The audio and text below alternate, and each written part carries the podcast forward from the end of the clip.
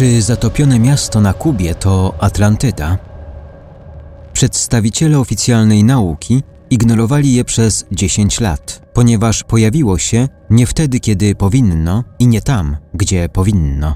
Zaledwie ponad dekadę temu zespół badawczy pracował nad misją spenetrowania i zbadania zachodniego wybrzeża Kuby, gdy urządzenia sonarowe wykryły zdumiewającą serię struktur kamiennych, leżących około 650 metrów pod powierzchnią wody. Struktury wydawały się całkowicie jednolite z jałową pustynią oceanicznego dna i przypuszczalnie ukazywały symetrycznie poukładane kamienie, pozostałości rozwoju cywilizacji ludzkiej. W wyniku medialnego poruszenia na łamach serwisów informacyjnych pojawiły się nagłówki takie jak Atlantyda odkryta na Kubie, czy też odnaleziono zaginione miasto Karaibów. Znalezisko przyciągnęło jednak również uwagę rządu, Narodowego Muzeum oraz krajowych geografów. Wszyscy obiecywali zbadanie dziwnych obrazów z sonarów. Dziś po 10 latach historia zniknęła w mrokach zapomnienia. Co się stało z zatopionymi ruinami Skuby? Czy kiedykolwiek zostały one w pełni zbadane? Dlaczego media zaczęły milczeć na temat tego niezwykłego odkrycia? Pierwszego odkrycia dokonano w 2001 roku, gdy Pauline Zalicki, inżynier żeglugi i jej mąż Paul Weinsweig, właściciele kanadyjskiej spółki Advanced Digital Communications, we współpracy z kubańskim rządem prowadzili pracę w ramach misji badawczej u czubka półwyspu Guana Hacabibes w kubańskiej prowincji Pinar del Rio. ADC było jedną z czterech firm tworzących z rządem Fidela Castro spółkę joint venture w celu zbadania wód Kuby, w głębi których znajdują się setki załadowanych skarbami statków z czasów hiszpańskiej epoki kolonialnej.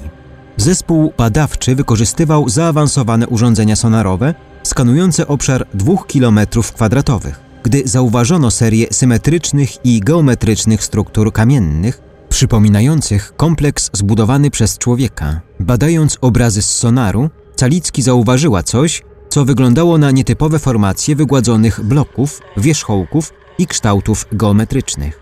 Niektóre z bloków wyglądały jak gdyby były zbudowane na kształt piramid, podczas gdy inne były okrągłe.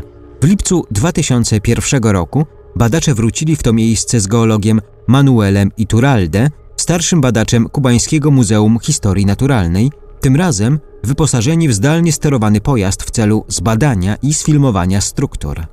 Zdjęcia ujawniły duże bloki skalne, przypominające ciosany granit, mierzące około 2,4 na 3 metry. Niektóre bloki wyglądały na ustawione celowo jeden na drugim, podczas gdy inne były oddzielone od reszty. Calicki powiedziała, że zdjęcia przypuszczalnie ukazywały ruiny podziemnego miasta, nie chciała jednak wyciągać jakichkolwiek wniosków bez dalszych dowodów. Są to szczególnie dziwne struktury, poruszyły one naszą wyobraźnię, powiedział Ituralde, który zbadał niezliczoną ilość podwodnych formacji. Jednakże próba wyjaśnienia tego w sposób geologiczny nastręczyłaby mi trudności. Oceniając, że zejście takich struktur na głębokość, na której je znaleziono, zajęłoby 50 tysięcy lat i Turalde dodał. 50 tysięcy lat temu żadna spośród znanych nam kultur nie posiadała zdolności architektonicznej do tworzenia złożonych budynków.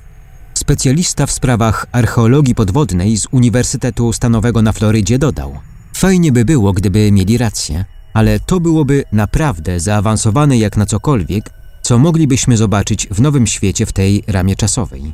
Te struktury powstały nie wtedy, kiedy powinny i nie tam, gdzie powinny. Wraz z medialnym sztormem, który nastąpił po ogłoszeniu tego odkrycia, serwisy informacyjne szybko zaczęły kreślić paralele ze słynnym zaginionym miastem Atlantydą. Calicki i Weinsweig nie chcieli jednak robić takich porównań. Według Calicki ta historia to mit.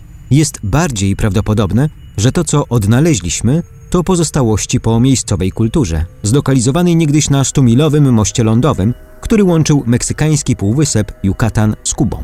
Iturralde dodał, że istnieją lokalne legendy Majów i tubylczych Yucatecos, które opowiadają o wyspie zamieszkanej przez ich przodków, a która zniknęła pod morskimi falami. Niemniej jednak Iturralde nie odrzuca całkowicie możliwości, że formacje skalne są jedynie efektem oddziaływania cudów matki natury.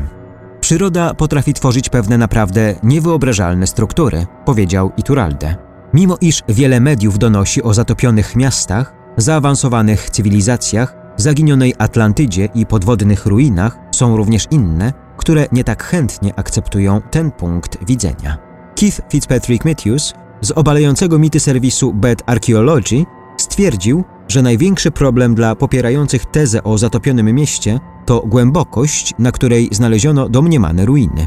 W okresie Pleistocenu, który charakteryzowała cała seria epok lodowcowych, poziom wody morskiej znacząco się obniżył, jednak największe obniżenie sięgnęło około 100 metrów. W żadnym punkcie podczas epoki lodowcowej takie miejsce nie znalazłoby się nad powierzchnią wody, o ile oczywiście ziemia, na której się znajdowało, nie została zalana. Takie twierdzenie mamy w przypadku Atlantydy. Według Platona została ona zniszczona przez okrutne trzęsienia ziemi i powodzie.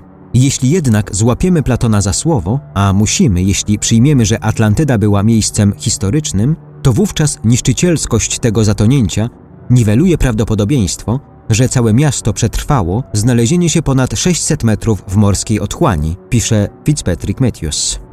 Jeśli przyjmiemy, że ma on rację i że te kamienne struktury nie przypominają starożytnego podwodnego miasta, a jedynie stanowią po prostu produkt natury, wówczas z całą pewnością geolodzy i inni naukowcy podjęliby to znalezisko i zbadali, jak niezwykłe zdarzenie naturalne doprowadziło do powstania takich dziwnych formacji. Co dziwne jednak, nie było żadnych doniesień o późniejszych badaniach, zaś serwisy informacyjne nabrały w tym temacie wody w usta. Co się stało z tymi wszystkimi obietnicami rządu, Muzeum Narodowego, National Geographic i innych naukowców, którzy mieli przeprowadzić dalsze badania? Szybkie zdyskredytowanie tej historii doprowadziło do powstania pytania, czy wydano jakiś zakaz udzielania informacji o znalezisku.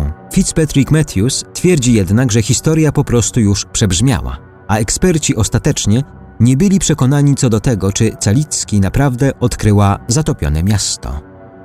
April Holloway Ancient Origins, tłumaczenie i opracowanie Ivelios, czytał Hubert Chłopicki.